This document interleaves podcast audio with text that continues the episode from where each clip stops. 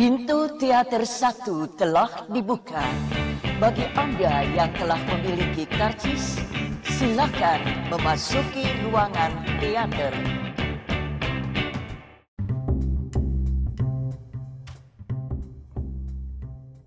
Halo, balik lagi sama gue Mustafa di podcast Habis Nonton Film Sebuah podcast yang gue dedikasikan untuk menceritakan kesan dan pesan gue setelah menonton sebuah film uh, Terakhir kemarin gue cerita soal First Man Jadi kalau kalian uh, penasaran gimana cara gue menangkap film First Man Boleh dicek di episode sebelumnya.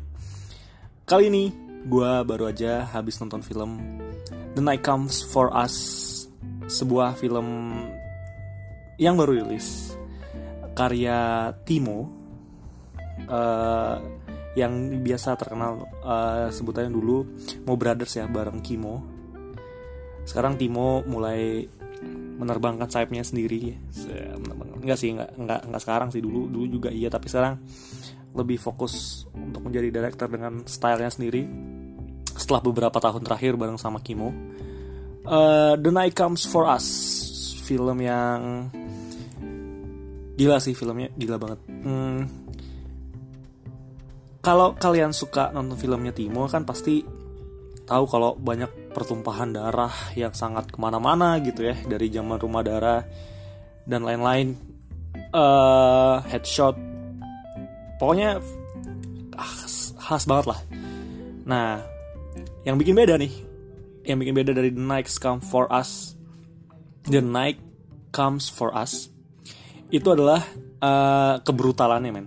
Parah brutalnya tuh ini pas gue tonton ya sekitar setengah jam lebih baru gue ngeh anjir pantas ini film kata yang di bioskop gitu nggak akan ada berani nggak akan ada PH yang berani untuk ngeproduksi film ini karena brutal banget kayak kayak nggak bakal mungkin kalau misalnya lulus sensor kali ya mungkin yang tersisa cuma satu jam dari dua jam tayangan karena sisanya satu jam benar-benar sadis dan uh, tidak tidak aman bagi untuk bagi anak-anak dan uh, pasti kena penyensoran sih ya. Kalian tahu lah. Uh, lembaga sensor kita kan suka lucu ya. Apalagi kalau dikasih film kayak The Night Comes For Us ini. Uh,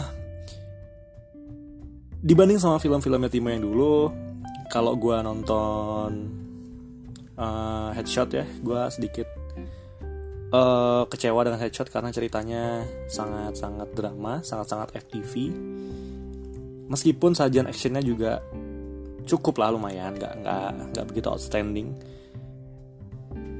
Kalau ini oke. Okay. nah, meskipun kelemahannya diulangin lagi ya di skrip di bagian skrip dan cara cerita yang bukan cara cerita uh, cerita yang alur cerita yang sangat sangat hah? Kalau kalian nonton tuh eh kok tiba-tiba kayak gini ya? Eh, ini siapa ya? Oh kok mereka ketemu? Eh ngapain ya Nah itu terjadi lagi di The Night Comes For Us. Tapi, tapi, gue bisa memaafkannya karena semua adegan actionnya oke. Okay. Not that uh, perfect, but this is something that make me feel so. Oh my gosh, that that should uh, that must be so painful. Ada adegan patah, ada adegan uh, kail menyangkut di badan dan jari terpotong dan segala macam yang kalian bisa bayangkan itu kalau gue sih lebih lebih ngeri ngelihat sesuatu yang tidak berdarah sih sebenarnya kayak kaki patah gitu ya uh, leher patah. Uh, karena uh, daripada tembak-tembak gue nggak akan ngerasa ngeri tapi kok kayak gitu kayak yang patah-patah gitu kayaknya yang ngilu-ngilu gitu lebih berasa ngeri gitu nontonnya tuh. Ih wow, wow so jadi bikin kita takut. Nah, to Us tuh brilian di bagian action tapi ya itu tadi. Actionnya suka-suka action. Naskahnya membuat kita uh, seakan-akan mengesampingkan ceritanya gitu. Kalau aja Timo dikasih penulis yang oke okay, gitu. Gue yakin film ini bakal bagus banget. Gue yakin film ini uh, bisa berada di level yang lebih bagus dari yang sekarang. Asal diberi skrip yang sangat matang gitu dengan dengan alur dan kejelasan tokoh-tokohnya kejelasan motivasi mereka kenapa mereka melakukan ini melakukan itu gitu. Gue akan sedikit bahas spoiler di sini. Jadi kalau misalnya kalian uh, ingin menonton dan uh, takut spoiler bisa di pause dulu skip sekitar satu menit. Nah baru dengerin. Eh nggak deng. Gak usah deh. Uh, nggak banyak kok. Uh, sebenarnya uh, ada satu motivasi yang yang membuat gue bertanya-tanya why the main character want his his money to survive and uh, karakter utama tuh harusnya punya lead uh, lead goal yang yang jelas gitu. Nah kalau karakter utama di film ini itu tujuan dia di awal adalah uh, ketika dia melakukan sebuah uh, inciting accident uh, accident gitu dia mau ngambil uang dia yang selama ini ditahan oleh uh, bekas komplotannya dulu agar dia bisa membuat nama baru dan hidup di tempat yang baru bersama seorang anak kecil yang dia selamatkan. Tapi along the way the story, dia tuh seolah-olah lupa dengan tujuan dia tadi. Yang penting ketemu bahas dendam, ketemu bahas dendam, ketemu bahas dendam sebenarnya itu bermasalah. Sebenarnya sebenarnya kalau menurut gue itu kurang clear. Nah tapi karena ketemu action action tadi gue lupa. Wah anjir kita jadi lebih lebih ngeliatin betapa actionnya sangat keren sih. Jadi ya itu itu tadi. Naskahnya termaafkan oleh actionnya yang begitu begitu mengerikan. Kalau dibandingin sama film dia yang terakhir sebelum iblis menjemput sebelum iblis menjemput adalah film yang gue kurang suka karena uh, bagi gue film horor itu nggak tidak menyentuh fisik tapi mungkin beberapa orang akan merasa takut dan merasa sangat mengerikan gitu. Nah uh, ngomong-ngomong soal horor, gue nanti akan soal film Jaga Pocong yang baru gue baru yang habis gue tonton juga kemarin dan film itu sangat-sangat mind blown. Not that mind blown tapi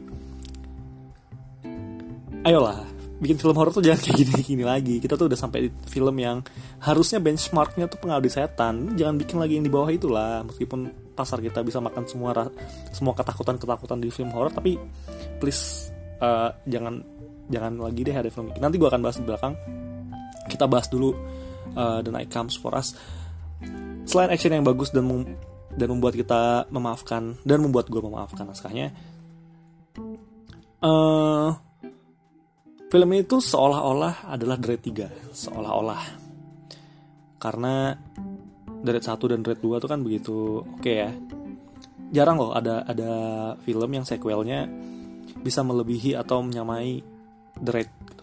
Kalau gua uh, gue lebih suka Dread 2 karena ceritanya lebih berwarna dibandingkan Dread 1, tapi Dread 1 itu breakthrough Dread 1 tuh muncul ketika uh, genre seperti itu dan konsep film-film action itu nggak kayak gitu pada masanya. Jadi kita kata nonton, kita lihat sebuah kebrutalan dengan set minimalis dengan cerita uh, plot yang tidak terlalu banyak, tapi seru untuk ditonton. Nah itu Dread 1 mungkin lebih membekas kepada banyak orang karena dia muncul di saat ketika tidak ada filmnya dengan yang di genre yang sama dengan konsep seperti itu.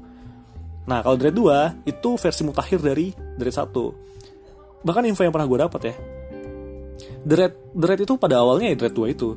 Tapi karena budgetnya belum ada, jadi mereka membuat dulu Dread 1 untuk meyakinkan kalau Dread Dread yang versi utama ini uh, versi yang yang nomor 2 ini ya itu layak untuk diproduksi atau mendapatkan sponsor atau segala macam ya. Yang gue gue pernah dengar kayak gitu. Itulah kenapa dibuat Dread 1 dengan sebuah aksi penyergapan yang yang kayak gitu yang yang nggak banyak makan tempat dan plotnya cukup sedikit untuk bisa dibuat dari tua. Nah, dari tiga nggak ada nih. The Night Comes for The Night Comes for Us ini cocok nih, cocok banget buat kita sandingkan sebagai pelengkap The Raid trilogi The Raid gitu. Meskipun nggak nggak sama persis dan cara approachnya juga beda dari Gareth Evans sama Timo meskipun datang dari satu uh, ya, dan mereka berteman baik ya. Mereka berdua berteman baik dan punya selera yang sama tapi tetap mereka punya gaya masing-masing dan uh, cukup mengobati rindu kalau kalian suka The Raid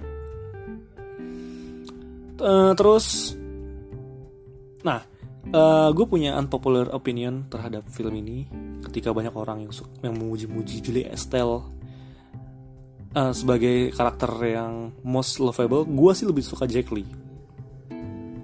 Jack Lee beda selang wah kacau deh. Dia acting paling paling wow lah. Entah kenapa gue yakin dia tuh beneran beneran seperti itu gitu dengan dengan gerak geriknya semua tindakan yang dilakukan brutalannya maniaknya dan Zack Lee pun main di jaga pocong nanti gue akan bandingkan. Beda banget beda banget. Itu itu itulah pentingnya sutradara dan naskah yang bagus. Saat seorang Zack Lee bisa berubah dari seorang maniak pembunuh yang tidak punya rasa uh, kemanusiaan ya gue rasa kemanusiaan. Lalu dijaga pocong yang sangat wow absurd absurd sekali. Tuh The Night Comes For Us uh, film yang happy loh gue nontonnya. Tapi nggak nggak dikit orang yang ya cukup cukup ada beberapa orang yang nggak suka film ini sih. I don't know why. It should be a fun movie ya. Nikmatin aja gitu tanpa mikirin ceritanya aja gitu. Ya kalau gue nonton headshot sih gue terganggu sama ceritanya tapi kalau ini gue bisa memaafkan. Seperti yang gue bilang tadi di awal ini bisa dimaafkan. Oke gue langsung bahas jaga pocong deh. Jadi gue kemarin bersempatan uh, datang ke premier film jaga pocong sebelum nanti tayang tanggal 25 Oktober 2018 karena gue rasa film ini akan sangat berbeda bukan akan sangat berbeda akan berbeda dengan film horor lainnya yang baru-baru saja liris karena yang main Acha Septriasa well known actress yang kalau kata Pak Monti Tiwa itu salah satu artis aktris dengan kualitas terbaik di Indonesia saat ini. Tentu uh, gue tidak menyanyiakan undangan dan coba nonton dengan ekspektasi serendah mungkin. Dan ternyata sorry to say malah di aduh gak ngerti deh gimana ngomongnya itu film mau nakut-nakutin tapi nggak tahu mau cerita apa. Uh, karakternya tuh gak punya motivasi gitu mau mau ngapain sih sebenarnya? Oke jadi ada cerita seorang seorang suster di sebuah rumah sakit. Dia disuruh oleh atasan dia untuk ke rumah salah satu pasiennya. Yang tempatnya ada di rumah angker di tengah hutan. Dan ketika dia sampai di sana, ternyata pasiennya udah meninggal dan udah dikafani. Oke, okay. itu tadi dia ditunjuk tanpa alasan ketika di ketika si ketika si karakter utama yang nanya si ketika si Aca ini nanya ya gue lupa namanya siapa dia nanya ke uh, atasannya kenapa uh, pokoknya atasannya ngomong kayak gini pokoknya harus kamu ah terus gue nggak ada alasan yang lebih jelas lagi. Itu kenapa pokoknya harus kamu? Gue ngerti kenapa kenapa dia bilang si dia tuh atasannya mukanya agak-agak bengis gitu sih ya, kayak menyimpan sesuatu misteri gitu. Yang yang yang kalau kalau kalian nonton pasti ah oh, ini nanti akan sesuatu terjadi nih ke dia. Pasti ntar kenapa dia ditunjuk akan terjawab di belakang gitu. Ketika dia udah sampai sana udah jadi pocong muncullah Zack Lee itu uh, jadi yang pocong ini yang meninggal ini adalah ibunya. Diceritakan sebagai ibunya Lee dan Lee dipaksa untuk uh, ngejaga ibunya saat itu dan uh, Zack Lee harus meninggalkan rumah itu dan si Aca nih Aca harus menjaga rumah itu dan jaga pocong itu. Bukan pocong sih um, mayat yang sudah dikafani dan di rumah itu juga ada seorang anak kecil bernama Novi. Yang munculnya tuh juga juga cukup aneh gitu kenapa nggak kenapa nggak dari awal. Eh aneh lah pokoknya. Uh, nah si no, si si Aceh nih tanpa prasangka aneh-aneh dia mengiyakan. Ya ya ya. Dia mengiyakan. Oh gue sorry gue kelupaan. Ketika Aceh sampai si si ibu itu udah meninggal. Jadi Aceh disuruh mandiin aja disuruh mandiin.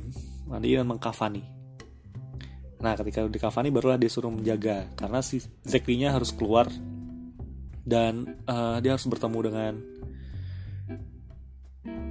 pengurus pemakaman kalau nggak salah.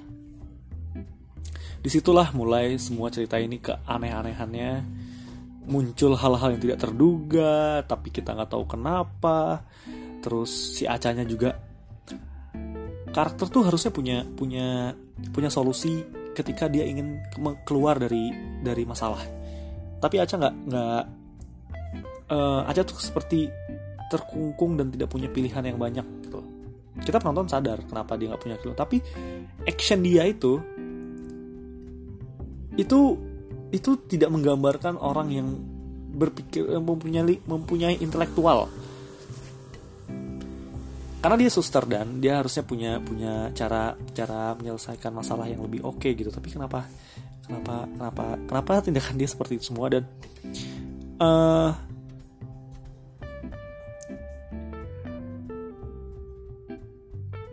ya aneh ya uh, aneh ya. Uh, bu, gini. Menurut gue ya menurut gue film horor itu film horor Indonesia pada dasarnya no, no not bukan film horor. Keseraman yang ada di Indonesia kultur kita itu datang dari sesuatu yang munculnya tidak terlihat jelas atau samar samar-samar. Gini di film Jaga Pocong itu Pocong suka banget muncul tiba-tiba dan uh, gambarnya cukup jelas deket gitu. Oke sekarang gue tanya, pernah nggak lo ngelihat pocong? Jaraknya 2 meter deh dari dari lo? Atau lo pernah dengar cerita orang dengar kayak gitu nggak? Enggak kan? Horor tuh selalu harusnya terlihat. Horor Indonesia tuh harusnya terasa sangat samar-samar. Dari jauh kayak kita kita duduk nih terus kita lagi jalan terus kita lihat ada kuntilanak berdiri di, di atas pohon. Samar-samar aja gitu kayak ada kain putih terbang. Itu kan yang bikin kita takut. Bukan tiba-tiba pocong di depan kita berdiri 2 meter nggak kayak gitu. Munculnya hantu di di kultur kita tuh nggak kayak gitu. Beda sama mungkin di Amerika gitu kayak vamp, uh, kayak vampir lagi kayak uh, hantu-hantu kayak Freddy atau Halo, apa Halloween segala macam. Munculnya munculnya mungkin kayak gitu. Tapi kalau Indonesia nggak kita tuh lebih suka kita tuh dihantu-hantui oleh ketiadaan yang yang meneror. Kayak misalnya lagi duduk di kamar terus uh, kayak ada yang ngintip dari balik jendela nah itu kan lebih lebih relate ke kita gitu. Bukan tiba-tiba pocong muncul jatuh dari atas atap bawah terus ya iya mau ngapain pocong tuh? Eh gue nggak pernah dengar cerita ada orang yang takut takutin kayak gitu ya. Tapi pada umumnya ya mungkin ada kali ya nggak ngerti deh. Ya mungkin ada tapi horor takut itu datangnya dari sesuatu yang dekat dengan kita. Kenapa lights out? Nih gue pakai referensi lights out. Kenapa lights out film pendeknya terasa lebih menyeramkan daripada film panjangnya. Karena lights out film pendek itu hantunya muncul ketika lu matiin lampu. Either itu lampu kamar atau lampu lorong atau lampu tidur. Ketika kalian matiin ada bayangan yang sepertinya tertinggal gitu. Kalian lain nggak ada. Kalian matiin ada. Itu kan relate banget. Seberapa sering sih kalian misalnya lagi di rumah gitu lewat ruang tamu lampunya masih nyala kalian matiin. Terus kalian ngeliat ada uh, bentuk bayangan tubuh dari ujung ruangan. Tapi nggak ada siapa-siapa di sana. Eh tapi kalian nyalain nggak ada. Nah kan itu itu relate banget dengan kita. Kenapa akhirnya film Lights Out itu dibikin? Karena film pendek itu berhasil mencakup uh, ketakutan kita yang biasa kita rasakan. Kalau mau tidur matiin lampu. Terus tiba-tiba uh, ada bayangan-bayangan yang lebih tebal. Kita nyalain gak ada. Eh, itu kan lebih lebih dekat. Tapi Lights Out pun di film panjangnya itu nggak berhasil menciptakan ketakutan yang sama dengan film pendeknya. Karena karena dia menciptakan sebuah konteks atau keseraman yang nggak sama dengan yang biasa kita laku yang biasa kita lakukan sehari-hari. Adegan yang dibuat di film pendeknya itu kalau di film panjangnya uh, ada yang sama persis. Soal matiin mati lampu tapi di sebuah gudang. Gudang barang-barang barang-barang uh, pabrik kalau nggak salah. Yang di mana itu nggak relate dengan kita jadi kita nggak merasa takut. Gue juga gue pun nggak merasa takut. Gue gue tuh agak susah ditakut-takuti oleh film horor ya. Uh, gue sa sampai saat ini paling takut horor film horor yang berhasil buat takut itu ada filmnya Pak Monty Tiwa yang judulnya Keramat karena hantunya tidak digambarkan begitu gamblang dan dan ketika itu gue menonton gue masih belum paham tentang film dokumenter atau film fiksi atau film yang menggabungkan dokumenter atau uh, dokumenter gitu yang sifat sifatnya fun footage gitu ya. Dan gue takut. Saat itu gue cukup takut. Dan gue nontonnya bareng-bareng sama anak-anak uh, kosan gitu ya ketika gue SMA dan kita semua takut itu film yang masih masih teringat terbayang-bayang lah sama gue sekarang. Setelah itu gak nemu lagi tuh film yang bisa membuat gue takut kayak gitu. Even Insidious atau Conjuring atau yang lain-lainnya. Karena gue itulah baik, lagi ke hal-hal yang gue takutkan itu. Itu tadi hal yang sama-samar gitu. Hal yang yang nggak terlalu kelihatan. Atau gini uh, misal misal kalian lagi duduk terus tiba-tiba ada yang nyenggol atau ada yang megang pundak kalian di belakang terus pas kalian nengok nggak ada orang. Nah itu gitu gitu tuh. Itu tuh itu tuh ketakutan ketakutan yang sangat sangat real sangat sangat terlihat dengan kita. Bukan sebuah penampakan fisik muka pocong kelihatan jelas terus kalian tahan dua detik untuk melihat muka pocong itu gue sih nggak takut ya. Gue sih nggak takut sih. Gue lebih takut ngeliat kuntilanak senyum daripada ngeliat ngeliat kuntilanak teriak gitu. Ini kok kayaknya gue lebih banyak bahas jaga pocong daripada The Night Comes For Us. Nah itu tadi gue balik lagi. Uh, Zekli Zekli di The Night Comes For Us itu bener-bener sangat brutal Maniak. Tapi ketika di film ini Jaga pocong Aduh. Karakternya sih yang jelek. Actingnya sih oke. Okay. Karakternya sih yang jelek uh, Jaga pocong tuh gue gak menyalahkan saudaranya sih. Gue menyalahkan naskahnya. Gue menyalahkan produsernya. Kenapa naskah yang sangat tidak matang itu dibuat? Karena endingnya oke. Okay. Karena bukan endingnya oke. Okay. Karena endingnya sebenarnya punya konteks yang jelas untuk untuk uh, membangun ketakutan itu dari awal. Tapi datangnya sangat sangat terakhir. Jadi ketika kita ketika kita udah terombang ambing dan tidak peduli dengan ceritanya barulah kita diberi kejelasan. Nah kita tuh nggak tahu tuh kenapa kenapa terjadi ini itu dan semuanya terlihat sangat absurd. Baru terakhirnya dijelaskan dan menurut gue adegan terakhir itu harusnya muncul di awal dan kita tahu apa yang akan terjadi dan kita penasaran apakah karakter utamanya berhasil melewati rintangan-rintangan yang ada di cerita itu. Di film itu ya jaga pocong. Uh, apalagi ya? Gue mau ngomong apa lagi ya? Ya itulah the night the night comes for us. It's a good movie.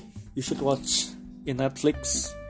Yang berbayar ya, ya dukung dong film-film kayak gini. Siapa tahu nanti ada film-film uh, yang genre berbeda tapi dengan papan pemain kelas atas dengan cerita yang lebih bagus datang dari Netflix dan kalian bisa nonton kapan aja ya. Nggak perlu nonton di bioskop. Dukung ya nonton nonton di Netflix. Uh, terus uh, kalau kalian penasaran gimana brutal dan absurdnya jaga pocong ya nonton di bioskop tapi gue tidak menyarankan untuk nonton bioskop because it's not that worth it's not worth it. Very very not worth it. Kalian bisa uh, gunakan uang itu untuk menyumbang ke kegiatan-kegiatan sosial yang lebih bermanfaat sih. Bukan gue nggak mendukung film Indonesia ya gue ngedukung film Indonesia tapi dukung yang perlu didukung. Jangan sampai kita membutakan uh, selera masyarakat lagi dengan hal-hal yang film-film yang ceritanya kayak gini gitu. Ya it's my opinion uh, sorry kalau misalnya ada yang tersinggung atau pendengar-pendengar yang ada yang bekerja di film itu tersebut atau punya relasi-relasi yang dengan film tersebut uh, dengan kru-kru di film tersebut.